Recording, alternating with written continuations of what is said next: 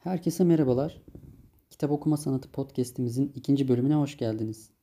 Bu bölümde kitap okumanın bir yolculuk olduğundan bahsedeceğim. Evet, kitap okumak uzun bir yolculuktur, bir süreçtir.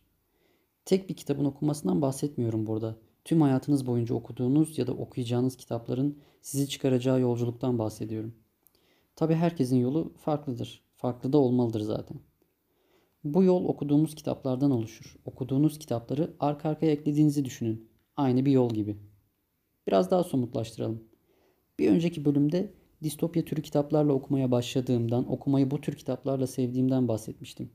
Bu kitaplardan sonra benim kitap okuma yolculuğumda ikinci sırada mitolojiler var. İlk başta Yunan mitolojisiyle başladım.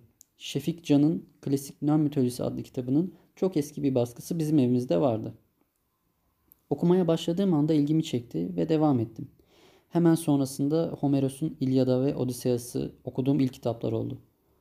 Yunan mitolojisiyle ilgili okuduğum başka birçok kitap var. Bunlardan sonra diğer kültürlerin de mitolojilerini merak etmeye başladım. Donna Rosenberg'in Dünya Mitolojisi adlı kitabında birçok kültürün mitolojileri ana hatlarıyla anlatılıyor. Bu kitap sayesinde ilgimi çeken diğer kültürlerin mitolojilerini de keşfettim. Daha sonra da yani sonraki yıllarda araya başka birçok kitaplar girse de mitolojiyle ilgili ilginç yeni bir kitap bulduğumda okumaya devam ettim.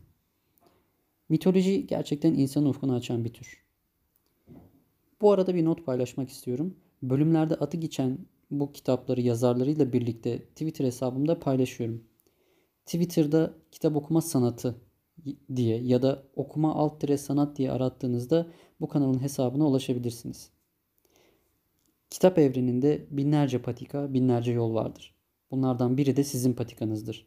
Sizi siz olmaya götüren patika ya da yol diyelim. Ve bu yolda yürürken arkanızda ayak izlerinizi de kitap evreni diliyle söylersek düşünce izlerinizi de bırakırsınız.